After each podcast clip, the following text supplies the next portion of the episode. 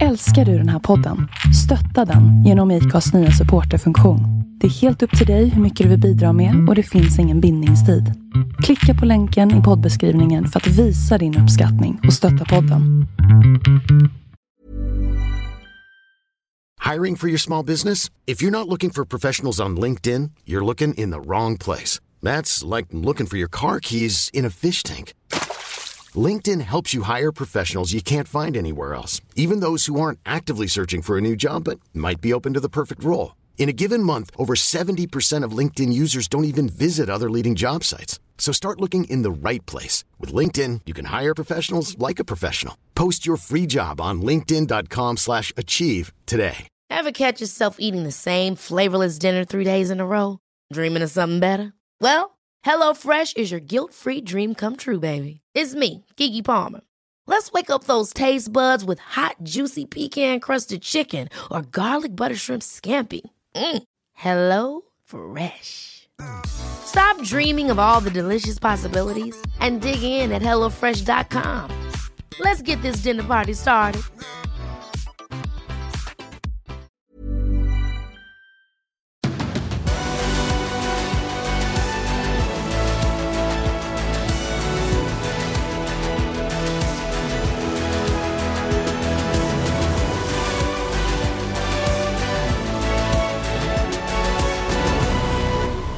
Då så, väntan är över. Det är dags för en eh, ny MotoGP-podd med mig, Tobias Lajon och med Andreas Mårtensson. Och eh, det har varit en lång väntan, eller hur Andreas? Det har blivit standard för dig att inleda på det sättet, att det är äntligen dags, för det har varit ett långt uppehåll. Jag vet inte hur positivt det är. Jag tycker att det är positivt med tanke på senaste dagarnas eh, nyheter nu då, om att eh, Viaplay kommer att sända MotoGP ytterligare sex år. Så det känns ju som att eh, det är lite det i alla fall som jag har gått och väntat på. Och hängt på de här poddarna för att eh, det är ju lite sammankopplat faktiskt, i alla fall för mig. Ganska sammankopplat är det. Eh, så då har ni svar på varför poddandet har varit lite risigt med senaste tiden. Men eh, igår kom eh, beskedet. Som du säger, sex år. Hur känns det? Jag tycker det känns bra. Då blir det en eh, lite längre horisont att blicka mot. Det är... Eh, ja, går att bygga vidare på det som eh, vi har påbörjat och haft nu tillsammans några år. Och eh, sen tycker jag att det är en spännande period att komma in igen med eh, de här förändringarna som sker kring helgerna. Så att, eh, ja, jag ser fram emot eh, en, Ja. en, längre, en längre kontraktstid förhoppningsvis då. Ja, via Play och MotoGP i alla fall. Vi vet ju inte. Exakt så. det det. Vi vet vad vi ska göra i år. Men sånt där kan ju ändras. Man vet aldrig. Nej, vi får hoppas att vi gör tillräckligt bra jobb då så att vi får hålla på med det här. Ja. Eh, Ett gäng år till kom- kommer vi hålla på. Men eh, om det nu är så att du håller på de här sex åren också, då har du kommenterat MotoGP i nästan 20, eller i 20 år. Du vet att det är ganska lång tid. Det är länge. Det håller jag med om. Det håller en pigg på något vis. Jag gillar det här. Och det, framförallt så kändes det lite dystert ett tag här under vintern och, och tänka att det, ja men när det hängde lite i luften och man inte riktigt vet. Det, det är i alla fall, det är roligare att bestämma själv om man är färdig med någonting. Nu vet vi. Nu vet vi att det Mm. kommer att fortsätta. Så det, det tycker jag är roligt. Och vi kommer att fortsätta de närmaste åren. Så det är ingenting som går ut efter den här säsongen, utan det kommer vara ett gäng år till. Mm. Helt enkelt. Det tycker jag också känns eh, roligt och inspirerande, bra. Och eh, det var länge sedan vi poddade. Det var det. För Vi ska se till att ha energi och göra Ja. det fortsättningsvis. Ja men exakt, exakt. Ehm, så vi börjar direkt. Jag det är tycker, vi, lika jag bra. tycker vi får Ja. göra det. Och vi, håller vi, fast, vi får hålla fast ungefär vid de här uppläggen med... Eh, vi har ju några startnummer kvar för att, för att täcka in åtminstone 100 startnummer. Sen får vi ge oss. Jag tror det. Det blir Ja. svårt. Sen får vi gå över på amerikanska mästerskap och såna grejer. Då, supercross och annat. Ja, Det blir då- för långt borta. Ja, det är ju inte MotoGP. Nej. Den heter ju MotoGP-podden av en anledning, den här podcasten. Då slipper vi det. Då. 65 då, vem tänker vi på då? Det är ett pensionerat nummer, så det borde inte vara supersvårt. Nej, jag tänker på en, en italiensk hjälte måste man ju säga. Loris Capirossi som har... Eh, eh, ja, en av de absolut mest meriterade förarna, det måste man ju säga. Mm. Absolut. Eh, det är han. Hur många gånger vann han VM? Tre gånger? Ja, och det var ju i de mindre klasserna, det var ju under tvåtaktseran där med eh, två VM-titlar i 125 och en VM-titel i, i 250 och det är ju framförallt den där i 250 som, som sitter på min näthinna. Men Är du det- kanske, du kanske den- har minnen från tidigare säsonger Ja, jag, tänkte bara häva ut med det här någonting. Är, är det den mest osportsliga roadracingföraren med bra meriter genom tiderna? Just om man, om man tittar på den incidenten så var det ju sådär som man, man baxnade ju när den där skedde. Han satte ju alltså av sin teamkollega Tetsuya Harada. Eh, Och, och det var ju fight om VM-titeln. Det var ju någon sån här, det var ju nästan någon sån här bilracing-attack han gjorde. In i Harada. Ja, absolut. Jag tror vi till och med avhandlat den här när vi pratade om Harada för eh, 34 avsnitt sedan. Ja. I podd nummer 131 gissar jag på att det var då. Men, eh, men eh, okej, 1990 då, 125 Philip Island, Hans Spahn, Loris Capirossi Ja, och resten jag, av italienarna.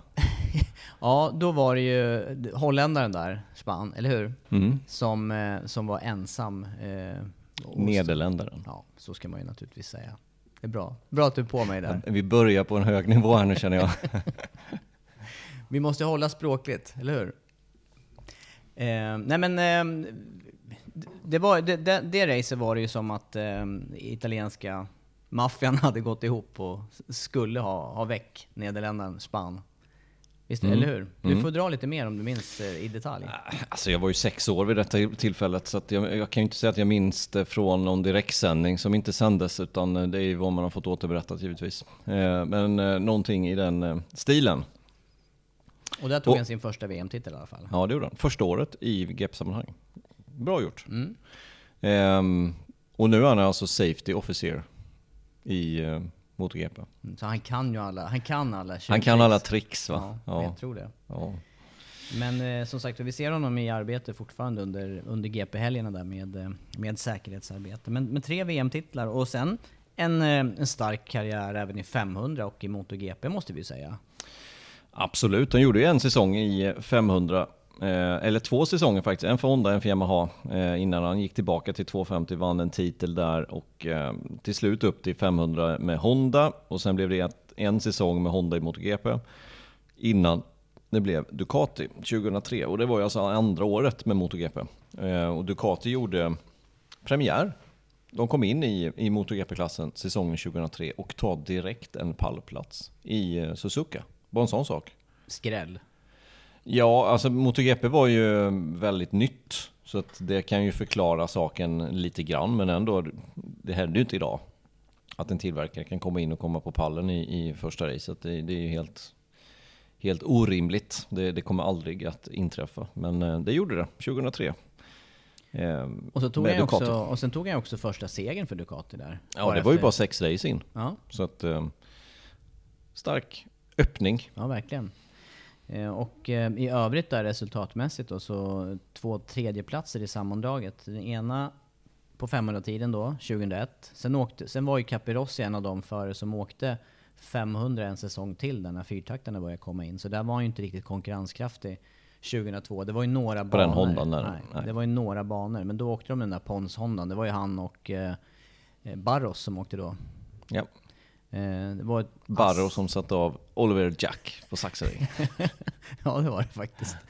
Nej, du, Båda 500. Ja. Det kunde blivit, kunde blivit historiskt det där. Ja. Alla visste det när det väl hände, men det blev ju historiskt fast på, på ett annat sätt. Ja.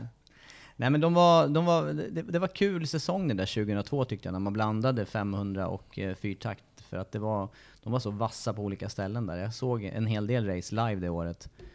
Eh, men eh, just Assen till exempel var det jämnt på och det var som du säger där Sachsenring.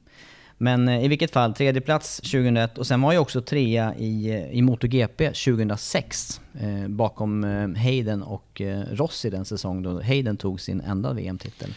Det Och där, och där ledde han ju VM i Ja, början. d- ja exakt. Och, och den säsongen, det, det är ju en specifik sak som gjorde att inte han kunde vara med och utmana Nicky Hayden och Rossi i det mästerskapet. Eh, och, och det var ju den här startkraschen som hans teamkompis eh, ja, gjorde så att den skedde. Ja, ja. Och det var ju Gibernau, Ja, sitter Gibernau eh, på, eh, på Barcelona, Japp. Catalunya. Japp. I startkraschen där, den ganska det var ju framåt, ja, ja, det var ju framåtvolt och stort... Ja, och det var ju de två som krokade ihop, det var ju där det började. Mm. Det, det var ju just eh, Gibinau och Capirossi som, som gick ihop lite grann och, och ja, Det var, det var ju även där efter man började titta på de här eh, skydden för Mm. bromsgreppen. De gick ju det ihop var ju det där. som hände där. Ja. Han slog ju över framlänges där, Gibinau. Ja. Drog med sig eh, Pedrosa i det här fallet. Det var säkert några till, jag kommer inte ihåg vilka. Men... ja, det var ett gäng förare. Och där skadade sig ju Capirossi. Ja, exakt. Eh, vilket gjorde att eh, där han kunde vara med nästkommande race, eh, Capirossi, men det blev också bara en 15 plats i, i Nederländerna och sen en nionde plats i Tyskland. Sen tog han en seger lite senare på säsongen, men då var det ju då var det över, så Mm. att säga. Ja men eh, jag kollade också antal starter där. Han var ju länge den som hade flest antal starter, 328. Men, men nu är han passerad då utav eh, Rossi. Men det är ju en oerhört meriterad och en erfaren förare som också, som vi hör här, har kört eh, mängder utav fabrikat. Och han körde ju även Suzuki ett tag i slutet utav, eh, utav sin MotoGP-karriär. Ja, Och körde sitt sista race ehm, i Valencia 2011. Ganska berömt race, för racet innan det var ju då som Simoncelli omkom eh, i Malaysia och sen så blev det ju som ett hyllningsrace egentligen, med det här sista racet. Körde han väl med startnummer 58, gjorde han inte det? Mm, det, har jag faktiskt förträngt. Eller, men det, det har du säkert koll på Andreas. På sin eh, eh, Pramac Ducati var det väl? Mm, det var Pramac körde sista året. Grön-vita. Just det. Ja, det är om Capirossi då. Och det är ju lite historia det här, men han är ju ändå en, det är en aktuell person i MotoGP-depån. Och eh, Så tillbaka till grundfrågan, är han den mest osportsliga? Ja, den där VM-titeln, alltså han fick ju, han fick ju inte förnyat kontrakt Ja, hos Aprilia. Han fick det. sparken. Ja, det det han är en av inte få. kört, Ja, han har ju kört, kört Aprilia sedan dess, men, men inte, i, eh, inte under sin aktiva karriär. Nej, men det är en av få förare som inte har fått chans att förnya sitt kontrakt med en färsk VM-titel i bagaget. Mm. Så att det är, ja, det är klart, det är väl han. Han ligger högt upp på listan i alla fall där. Ja, Får vi säga. Det är ofta så i sin ungdom som man ändå var vid den här tiden. Ja, ja, Sen visst. har det blivit bättre, det är ju bara att titta på andra, andra förare som växer till sig ju äldre de blir. Mm. Kanske till och med du och jag. Det känns så. I alla fall om jag, de här, efter de här sex åren där kan vi börja kolla. Göra någon avstämning och kolla fall hur mognadsgraden ligger till då. Men du Andreas, den här säsongen nu då, hur ser den ut på, på pappret? Jag vet att det är en, eh, om vi tar en eh, programpunkt vidare nu i aktuell tid. Sen säsongstart är det. 26 mars drar året igång. Väldigt sent. Ehm, I år, eller förra året, så drog det igång första helgen i mars. Den eh, sjätte var det väl? 6 mars. Nu är det 26 istället, så det är tre veckor senare. Eh, och det gör ju också att säsongen håller på tre veckor till. Jag har för mig vi tog detta i vår förra podd, men det, det är en lång säsong. Det är alltså från 26 mars till 26 november. Eh, två banor in, Kazakstan, Indien, in på kalendern. En bana ut, vilket blir Aragon. Den kommer komma tillbaka. Eh, men eh, den åker ut åtminstone tillfälligt. Man tycker att man har lite för många race på den Iberiska halvön. Och ehm, den kommer komma tillbaka. Frågan är väl vilket som försvinner nästkommande säsong. Så det blir ganska, ganska intressant att se om det är Barcelona som kanske får vika sig något år. Mm. Så, så där har vi förändring då. Det, det är också eh, klart för mig att man ska alternera banor där. Och sen så, som du säger där, nya banor, Indien och Kazakstan, inga data därifrån utan eh, det blir helt eh, ny mark. Möjligtvis då kommer det att eh, skickas dit testförare. Det kan man väl anta under Ja. säsongen. Och sen kommer det vara lite mer träning också, just när man kommer dit på fredagen. Eh, Men ska vi kolla på hur helgerna kommer se ut då, så är det ju lite annorlunda jämfört med vad det har varit. För en annan stor nyhet till den här säsongen är att det blir sprintrace. Det är alltså halva distansen på lördagen. Men om vi börjar med på fredagen, så börjar det alltså 10.45 med MotoGP. Eh, Det är en timme senare än vad det har gjort.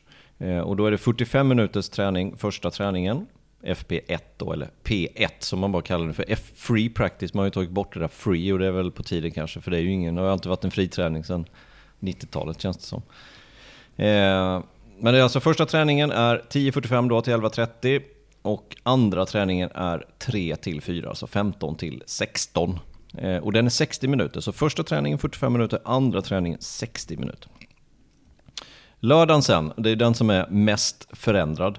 Eh, då har vi alltså en friträning och eh, den kallas faktiskt inte ens för no, alltså friträning 3 eller practice 3, utan den, den kallas bara för free practice. Och det är ju för att den gäller ingenting gentemot kvalet sen, utan det avgörs alltså på fredagen vilka som går till Q1 och vilka som går till Q2.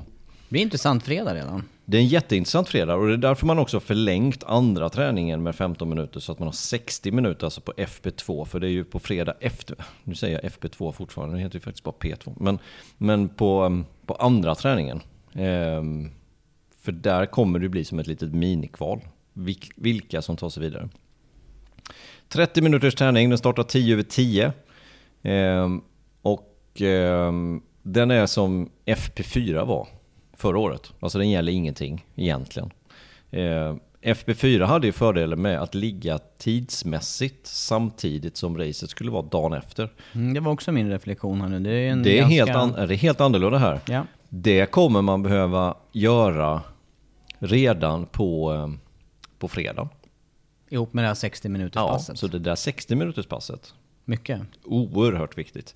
Det 60 minuters passet kommer ju avgöra om du har koll på däckslitaget och om du har en kvalposition som gör att du kan vara med och slåss om segern.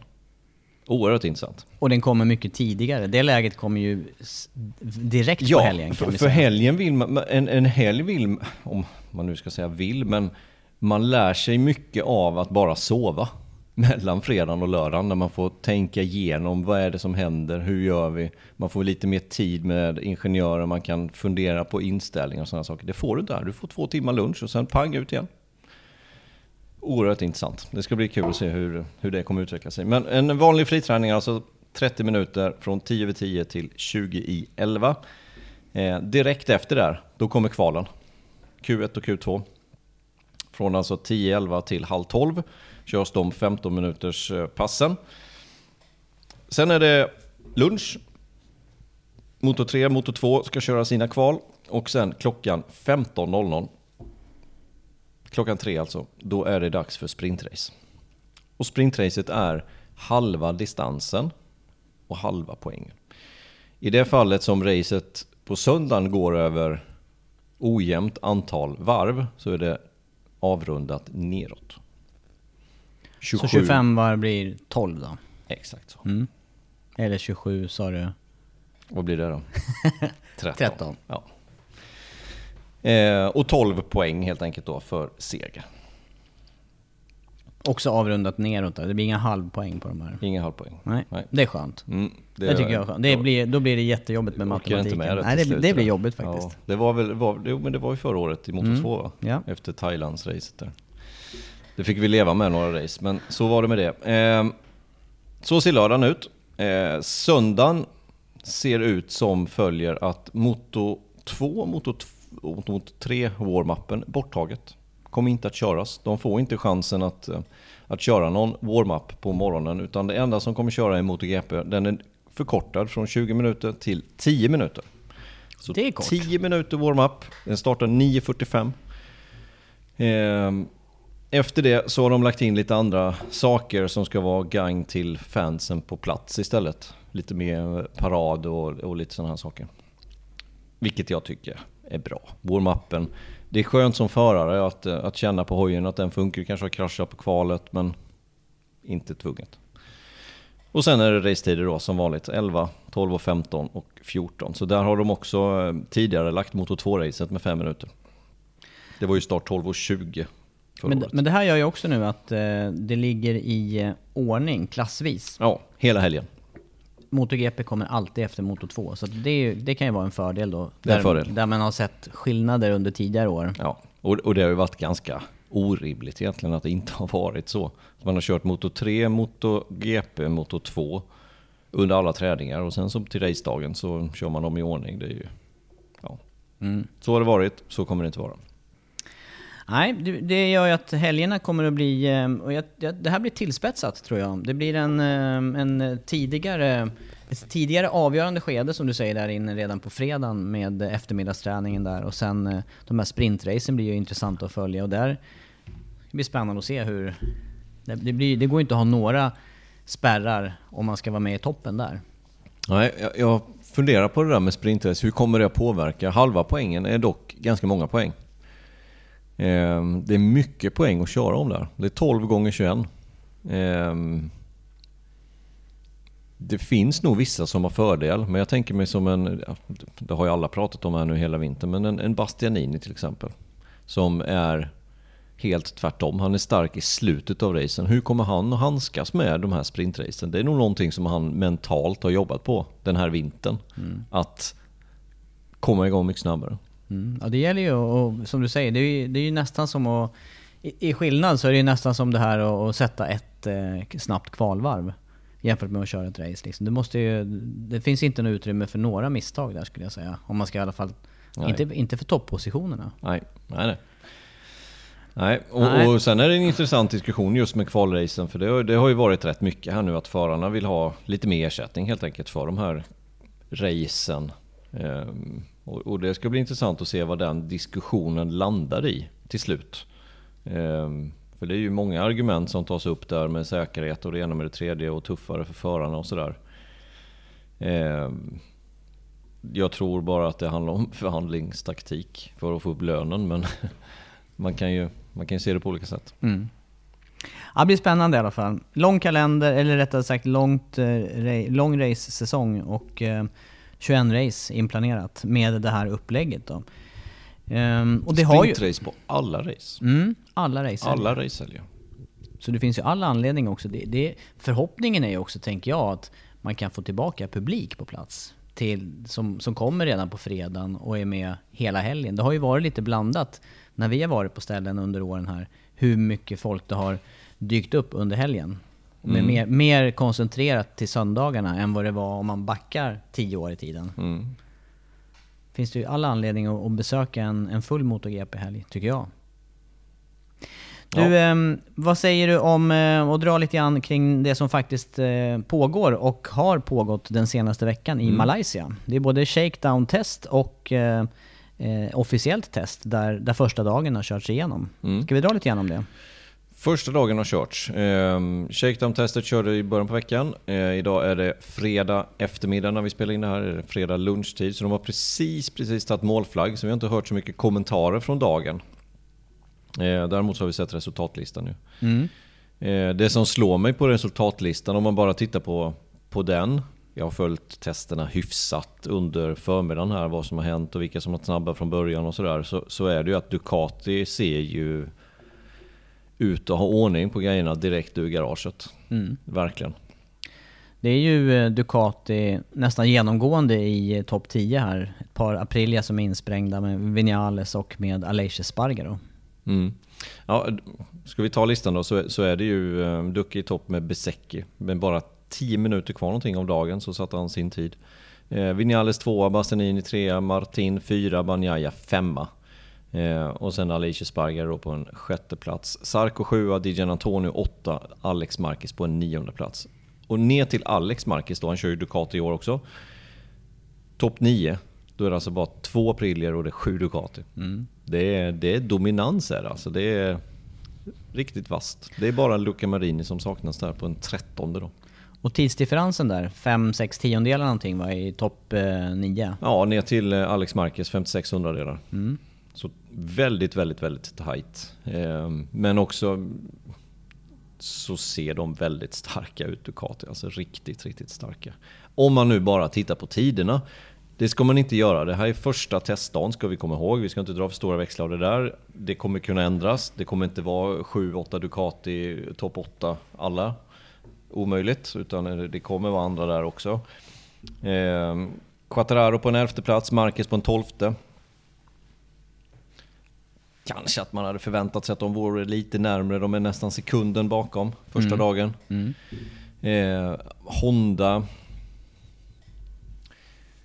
Morbidelli, om vi börjar med, med, med Jamma istället, så är de 10 och 11. Morbidelli 10, eh, Quattararo 11. Ser bättre ut på ett område toppfart. Mm. Och det där noterar vi redan från shakedown-testet. Ja, det gjorde vi nästan 5 km bara på shakedown-testet och, ehm, och då var det Crutchlow bland annat som körde. Ehm, tittar vi på toppfarten idag, 334,3 på Quattararo, 336,4 på Bastianini som var snabbast. Men 334,3 då är han snabbare än Alex Marquez, han är snabbare än Sarko, han är snabbare än Alicia Sparger och han är snabbare än exakt samma som Banjaya. Han är någon kilometer A lot can happen in the next three years. Like a chatbot may be your new best friend. But what won't change? Needing health insurance. United Healthcare Tri Term Medical Plans are available for these changing times. Underwritten by Golden Rule Insurance Company, they offer budget friendly, flexible coverage for people who are in between jobs or missed open enrollment. The plans last nearly three years in some states, with access to a nationwide network of doctors and hospitals. So, for whatever tomorrow brings, United Healthcare Tri Term Medical Plans may be for you. Learn more at uh1.com. Hey, I'm Ryan Reynolds. Recently, I asked Mint Mobile's legal team if big wireless companies are allowed to raise prices due to inflation. They said yes. And then when I asked if raising prices technically violates those onerous two year contracts, they said, What the f are you talking about, you insane Hollywood ass? So to recap, we're cutting the price of Mint Unlimited from $30 a month to just $15 a month. Give it a try at mintmobile.com slash switch. $45 upfront for three months plus taxes and fees. Promo rate for new customers for limited time. Unlimited more than 40 gigabytes per month. Slows. Full terms at mintmobile.com. Since 2013, Bombas has donated over 100 million socks, underwear, and t-shirts to those facing homelessness. If we counted those on air, this ad would last over 1,157 days. But if we counted the time it takes to make a donation possible, it would take just a few clicks. Because every time you make a purchase, Bombas donates an item to someone who needs it. Go to bombas.com slash ACAST and use code ACAST for 20% off your first purchase. That's bombas.com slash ACAST. Code ACAST. långsammare Martin. Så att det känns som efter att ha sett shakedown-testet, efter att ha sett första dagen, bara titta på toppfarten, så har Yamaha hittat någonting. Eh, och, och de, det, det, känns som att tills den här säsongen så menar de allvar på ett annat sätt än vad man har sett dem innan. Eh, lite mer nya grejer i garagen, mer att testa. Ja, intressant att följa. För de, de slår ju samtidigt lite ur underläge. Det är, det är många Ducati-cyklar. Det är V4 nästan rakt igenom nu här i... Eh, eller nästan rakt igenom. Det, det är, ju Jamma, det är Jamma som har kvar sina... Det är två hojar. Ja, jag vet. Förlåt, jag, jag, jag gick lite snabbt framåt här i tanken. Eh, och... Eh, ja, det, de, det är ett eget koncept med bara två cyklar. Så att eh, de har inte så mycket data att gå på heller. Men... Ja, men eh, har de inte? Ja men alltså, jo de har ju bra 22 data. 22 år i MotoGP. Jo, men, men ny, ny data då? Alltså ja. de, det, det, borde gå... Nej de har bara två cyklar i år. Det borde gå att skramla fram rätt. mer under ja. de här racehelgerna om man är många cyklar tänker mm. om, man kan, om man kan skramla fram vad som är rätt håll. Mm. Från Ducatis sida då. Mm. Men, men, men, men, men, det är också så med Yamaha att de har ju saknat toppfart. Eh, de, de var absolut långsammast förra säsongen. Men det tog 20 race innan den snabbaste kom ifatt poängmässigt. Mm. Ja, det är inte bara toppfart. Det är inte bara toppfart. Och, och, kan de hitta toppfart, då kommer ju Quattararo bli livsfarlig den här säsongen. Verkligen. Mm. Men du tyckte också att eh, bland Ducati-förarna här så, så noterar du eh, Alex Marquez, eh, mm. att han direkt är bra med och han är bara någon hundradel eller några få hundradelar ifrån eh, Fabio Di Gianantonio på likvärdigt maskinmaterial. Ja, i samma team kör de ju dessutom, eh, Di Gianantonio och Alex Marquez. Nu kommer ju inte Di Gianantonio vara någon eh, som utmanar om, om tätpositioner. Men, men jag tycker ändå att Alex Marquez, om man tittar på tiden som man sätter den då. Han är alltså 56 hundradelar efter Besecki som är snabbast. Jag tycker det är en bra öppning. Helt enkelt av Alex Marquez som kommer från två, tre tuffa säsonger hos Honda. Eh, över nu till, eh, till Ducati och det ska bli, jag tycker det ska bli spännande att se Alex Marquez där. För han är dubbel världsmästare, motor 3, motor 2. Och um, han sitter nu på, vi, vi, pratade om det här under förra året, men, men Alex Marquez tog ju VM-titeln ett år innan Bastenini tog den. Och Bastenini, han sitter på Bastianinis gamla styrning så att säga då. Så att det är en vass förare. Jag, jag, tror många har glömt det under de här tre säsongerna när han har harvat lite med bara ett par pallplatser. Två stycken tror jag det är, Le Mans och, och Aragon. Ja, ja. Eh, men det, det, är en vass förare och nu sitter han på bra maskinmaterial. Och det ska bli spännande att följa. Jag tycker han har gjort en bra öppning. Det är ju eh, två dagar ytterligare test nu. Mm. Eh, och eh, som du säger där, eller det har vi sagt också många år tidigare, det är ganska svårt att, och dra för stora växlar på testandet. Men eh, det, det är ändå en, en tydlig kantring här till Ducatis fördel och eh, Aprilia då med tanke på första dagen. Mm, första dagen eh, till de två fabrikaten, men återigen, Quattararo och Marquez, de är ju där någonstans. Det, det som är bra för Quattararo det är att Morbidelli är ju där också. Han är, de, det skiljer bara några hundradelar. Det skiljer tre tiondelar faktiskt, men, men de är i, i 10-11. Men Marquez, han, han har ju ingen i närheten av sig utav de andra Honda-förarna. Nu är de ganska nya på sin styrning. Eh, både Mir och Rins, de är 17, 18. Mir 59,8, Rins 59,9, Marquez 59,4. Men det hade ju varit tryggare för Marquez givetvis att ha med sig någon med Honda. Det hade ju visat att Honda var på rätt väg. Svårt att dra slutsatser om de är det eller inte. Mm. Just nu, det är Ja. helt omöjligt att säga efter dag ett, utan det, det kommer vi få se. Men du händer någonting på tekniksidan då som vi kan, eh, som vi kan lyfta? För att eh, reglementsmässigt eh, förändringar här på helgerna med tidsupplägg och det här sprintracet. Men är det några större eh, förändringar när det gäller cyklarna som, som gäller rakt över? Två stora förändringar är det väl kan man väl säga, eller stora och stora, men, men sänkning fram det är ju inte tillåtet till den här säsongen, det är borttaget. Det var ju egentligen bara Ducke som hade det under förra säsongen.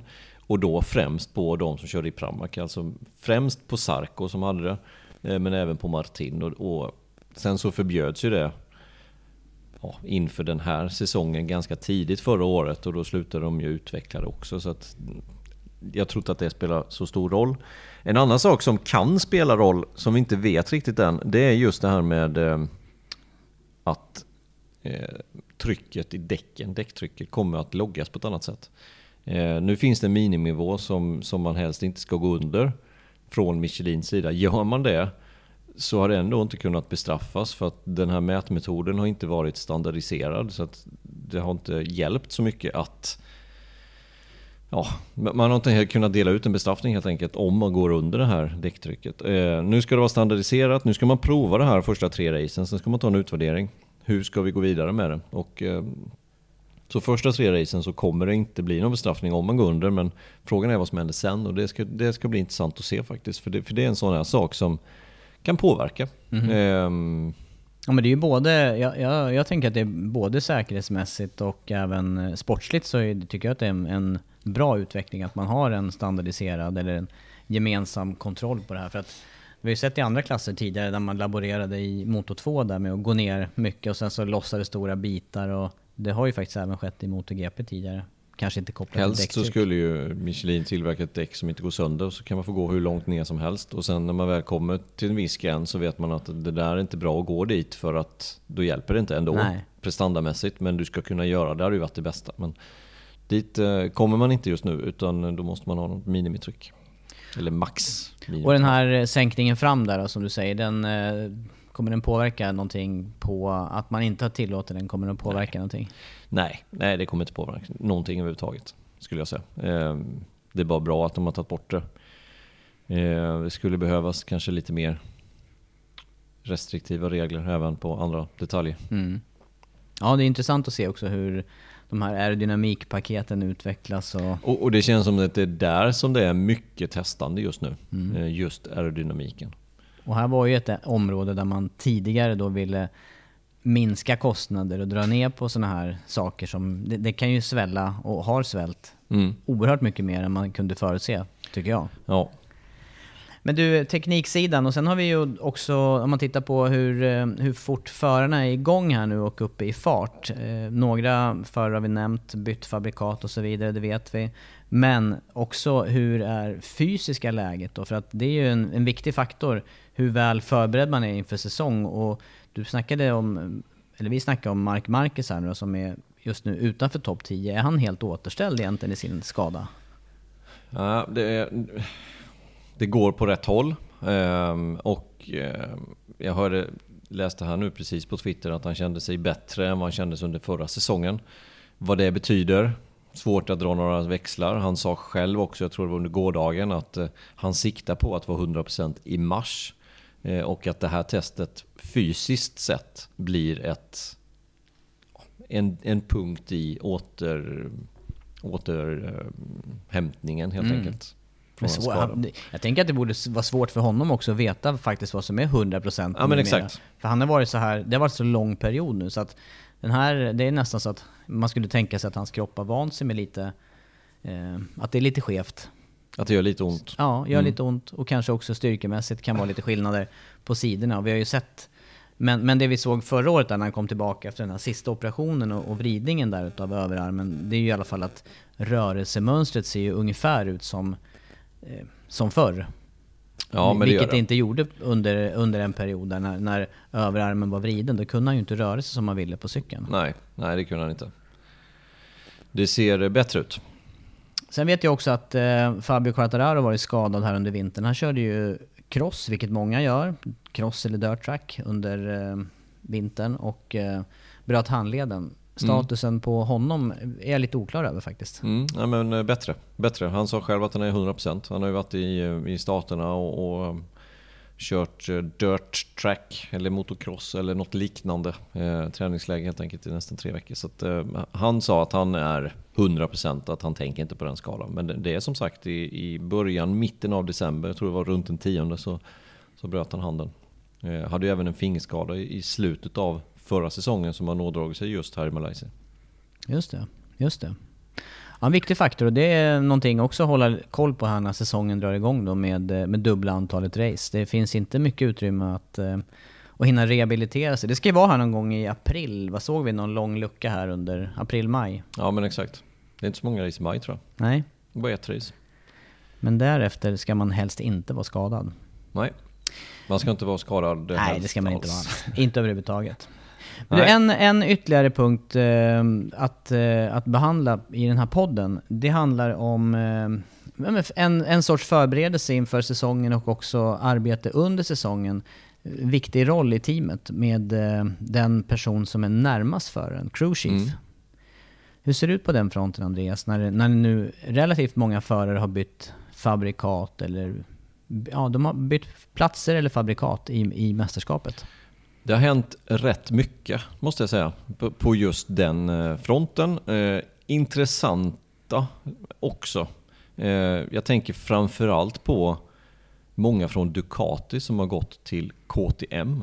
Eh, där har det hänt ganska mycket. Men eh, om, om vi ska ta dem i tur och ordning, säga, de, de som inte har någon, någon förändring till, eh, till den här säsongen jämfört med förra säsongen så är det Marc Marquez som fortsätter med sin, med sin crewchief Santi Hernandez som han har gjort sedan eh, sen han kom in i MotoGP 2013. Brad Binder fortsätter också med sin, Alicia Sparger, Morbidelli, Quattararo, Besecchi, Marini och Martin. De är de förarna som, som fortsätter eh, med de crew chiefs eh, som eh, de hade även förra året. Eh, sen har det skett lite förändringar. Eh, ja, Banjaya också, förlåt, jag missade Banjaya som fortsätter med eh, Christian Gabarini. Som eh, samarbetet verkar fungera ganska bra med. Gabarini, erkänt duktig, jobbat med Stoner. Tog ju titeln med Stoner 2007, fortsatte med Stoner 2011 och tog ny titel och sen har nu då jobbat med, eh, med eh, Banjaya. Men, men sen har det hänt lite grejer. Bastianini till exempel, han får ju inte med sig sin, sin gamla crew chief. Utan får, får Sarkos helt enkelt. Eh, Bastianini hade ju Doviziosos gamla eh, crew chief. Som har gått till KTM just. Så den är lite, den är lite Andrea Giribola. Ja, ja, ja. Eh, som jobbade med Bastianini. Och, och deras, deras plan inom Ducati det är ju att när du kommer in i Ducati då får du en crew chief. Och den personen ska sen följa med dig hela vägen. Så att om det nu som, ja, men som Banjaya, du får, när Gabarini blev Banjayas crewchief i Pramac, då var ju Banjaya ändå rankad som den sämsta Ducati-föraren på den tiden. Inom de här två stora teamen åtminstone. Mm. Eh, så det var ju ingen jätteattraktiv roll för Gabarini i just det läget. För jag har för mig att han jobbade med Lorenzo innan till exempel. Han gick från fabriksteamet ner och jobbade med, med Banjaya i Pramac. Men deras, deras mål med det hela det är att samma person ska fortsätta. Och nu är han världsmästare med Banjaya i fabriksteamet. Så att, ja, ändå en, en vettig Men jag tycker det där är både sympatiskt och en, en, verkar vara en god grundtanke för att just den här närmsta kopplingen till föraren, den är ju ma- Man ska ju på något vis både vara duktig tekniskt men du behöver ju även vara någon slags eh, psykolog eller Mm. coach eller sålla fram det viktiga ur förarens reaktioner Mm. efter passen. Mm. Och också sålla ut och på något vis vidareförmedla det till teamet så att det blir en... Det är en jätteviktig roll, en av de viktigaste rollerna eh, mellan förare och, eh, och crewchief. Den, den måste fungera smärtfritt, den måste fungera klockrent för att det ska bli bra resultat. Eh, så, så där ska det också bli spännande att se vad som händer med, eh, med Bastianini nu när han tappar Giribola som ändå är en erkänt väldigt duktig crewchief. Eh, med Dovizioso tre andra platser i rad, där 17, 18, 19 till exempel. Han är alltså till, till KTM, inte som crewchief utan är mer som en teknisk roll inom teamet. Där. Så det ska bli intressant att se vad han kan sen påverka KTM. Men det gjorde att Bastianini blev ju lite eh, tagen på sängen där helt enkelt. Han trodde ju att Giribola skulle följa med till fabriksteamet, vilket han inte gjorde. Utan eh, då fick de ett problem att lösa och då tog de in eh, Marco Rigamonti där istället. Och han, är ju, han jobbade med Sarko förra året i Pramac. Eh, och, och då innebar ju det ett problem, för då måste man ersätta honom med någon eh, hos Sarko. Och då plockade man upp eh, Adrian Fernandez, eller eh, Augusto Fernandes crewchief ifrån eh, IO-teamet i Moto 2 upp till Sarko. Det blir intressant Det blir också ett intressant byte där. Eh, Jag tror nog ändå att Rigamonti kan axla den rollen i fabriksteamet som ändå är en, ett väl oljat maskineri där. Han har ändå jobbat med Sarko, han har jobbat med det senaste från Ducati eh, i Pramac då. Så att det, jag tror den rollen borde gå hyfsat smidigt. Men sen då eh, i Pramac där får vi se då hur Brancini och Sarko fungerar tillsammans. Eh, det som var den stora snackisen egentligen, och det största, jag vet inte största namnet, jo men kanske ändå, det var ju ändå han Frankie Carchedi som jobbade med MIR, vann VM med MIR i Suzuki 2020. Eh, ville nog följa med MIR, och MIR ville nog att, att eh, Karcheri skulle följa med honom också till Honda, men så blev det alltså inte. Utan de fick dela på sig där och eh, Carchedi jobbar nu med Fabio Di Gianantonio istället. Vad säger... ehm, ja, nej men det, och då, då har man ju kanske inte så, så mycket att säga till om som crewchief själv där. När det, Nej men jag, jag tror, du kommer ihåg att det dröjde ett tag innan Mir blev presenterad för Repsol Honda. Det, Ja. det, det kändes som att det var klart länge. Men det tog ett tag innan det blev verkligen officiellt. Och frågan är om inte det här var en av de där punkterna som de inte riktigt kom överens om. För det har hänt rätt mycket hos Honda också. Eh, vilket vi kommer till lite längre fram här. Men, eh, men Didier Antonio alltså byter crewchief till Carcheri istället. Eh, Didier Antonios gamla crewchief går över till Alex Marquez. Eh, det vill säga då Didier Antonios eh, teamkompis. Eh, den andra crewchiefs från Suzuki som jobbade med Rins, Casso, han går tillbaka nu och jobbar med Vinales igen. Eh, De jobbade ju också tillsammans i Suzuki just när Vinales vann sitt första race där 2016. Eh, Det blir också intressant för Vinales del om det på något sätt kan hjälpa honom ytterligare. För vi vet ju, han, han, det har ju varit det har ju verkligen varit in och ut där på Crewchief runt, Ja, runt. Vinales senaste Ja. tiden. Och, och samtidigt har Vinales saknat det här sista lilla. Ja, exakt. Sista lilla. Och, och han verkar ju vara en väldigt sån som behöver mycket uppskattning för det han gör Mm. hela tiden. Ja. Behöver klappa han lite medhårs för att han ska prestera på en bra och hög nivå. Det kanske är rätt nu då. Kommer ju från eh, segrar också på slutet här, med Suzuki. Och Rins. Ja men exakt. Eh, Casso Casso tänker ja. Ja. Mm, mm. Ja inte Vinales han har inte vunnit ett race nej, på ett nej, tag. för jag tänkte mer på, på Han var nära crew en gång. Ja, Han var nära en gång. Eh, och Matte Rollo då som jobbade med Vinales förra säsongen går över till Oliveira, RNF-teamet. Och det är, ju, är nog bra för Oliveira det, tänker jag. Någon erfaren som har jobbat med Aprilia. Ja, när han själv är ny på märket ja. Och, Exakt. Ja, Mm. ja intressanta, intressanta förändringar eller förflyttningar här. Då. Mm. Vi är inte klara än. Det är långt kvar. Men du, berätta. Berätta för mig Eh, de här... Eh, vad heter Nej, men en, en annan sak som också Ja. blir intressant är Raúl Fernandez som nu eh, återförenas med Noah Herrera. De jobbade tillsammans när Fernandez gjorde sin debutsäsong i Moto 2. Det blev ju bara en säsong där. Eh, nu återförenas de. Eh, Herrera jobbade ju med Darren Binder förra året, så han var ju redan i RNF-teamet. Och det, det kändes ju som att det var en värvning för att bygga på att Raúl Fernandez kommer komma dit till slut. Nu blev det inte på Yamaha, utan nu blev det på Aprilia istället. Eh, Miller tar ju med sig Pupilin från, eh, från Ducati. Så ytterligare en Ducati där alltså.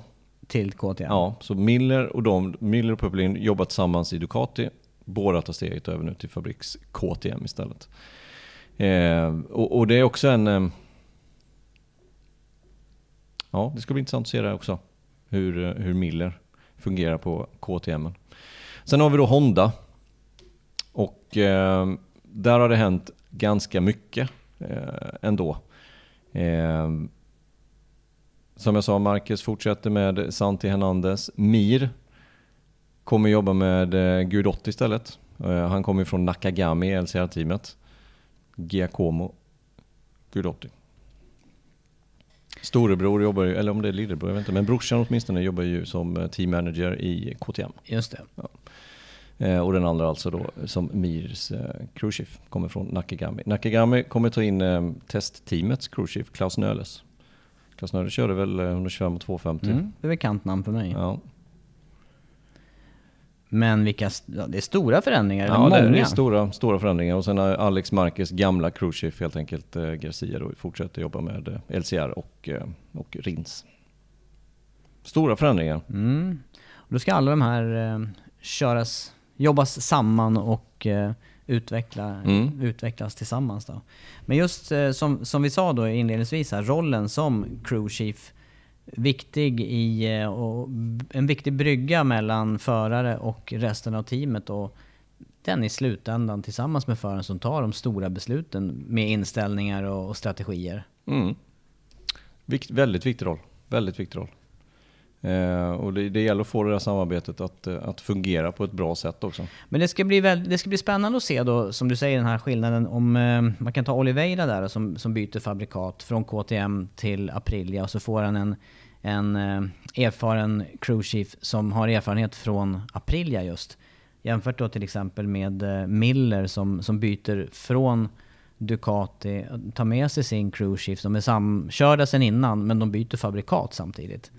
Vad som kan vara, vad, vad är liksom, vad är det viktigaste här? Samarbetet mellan personerna eller kunskapen om fabrikatet? Det är ju, det är ju lite svårare. Ja, exakt.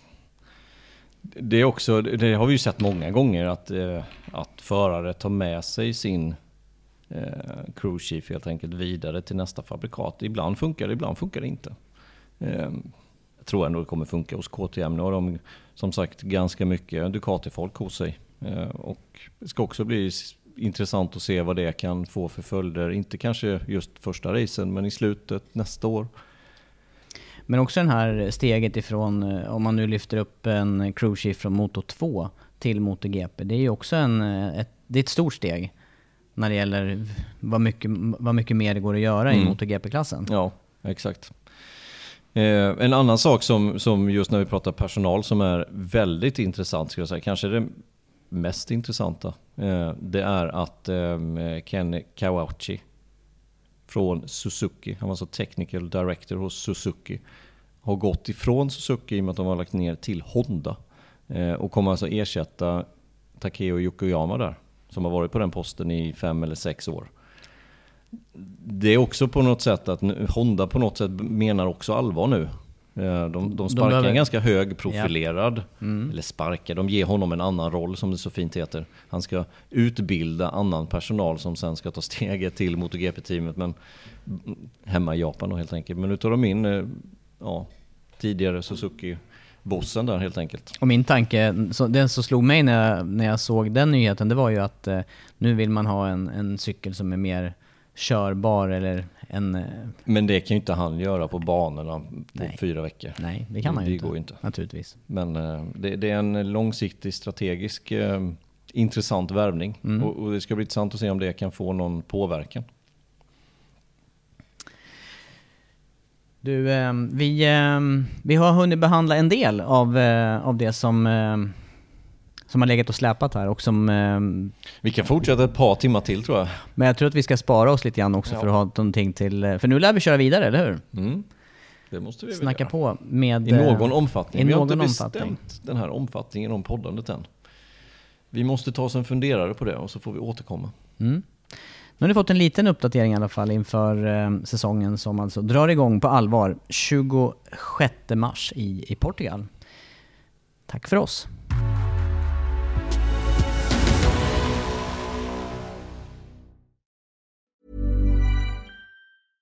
Ever catch yourself eating the same flavorless dinner three days in a row? Dreaming of something better? Well, HelloFresh is your guilt-free dream come true, baby. It's me, Kiki Palmer. Let's wake up those taste buds with hot, juicy pecan-crusted chicken or garlic butter shrimp scampi. Mm. Hello Fresh. Stop dreaming of all the delicious possibilities and dig in at hellofresh.com. Let's get this dinner party started. The secret to visibly firmer, summer ready skin is here. Osea's number one best selling Andaria Algae Body Oil. Clinically proven to instantly improve skin elasticity and transform dull, dry skin to silky, soft, and unbelievably glowing. Rich yet never greasy, Andaria Algae Body Oil is formulated with sustainably sourced seaweed to help replenish the skin's moisture barrier and seven nourishing active botanical oils for results you can see and feel all over. The best part? It's signature scent. A blend of freshly squeezed grapefruit, cypress, and mango mandarin transports you to sun kissed summer days. This all natural scent is unforgettable. Everything Osea makes is clean, vegan, cruelty free, and climate neutral certified, so you never have to choose between your values and your best skin. Get healthy, glowing skin for summer with clean vegan skincare from Osea. Get 10% off your first order site wide with code GLOW at OseaMalibu.com. That's oseamalibu.com code GLOW.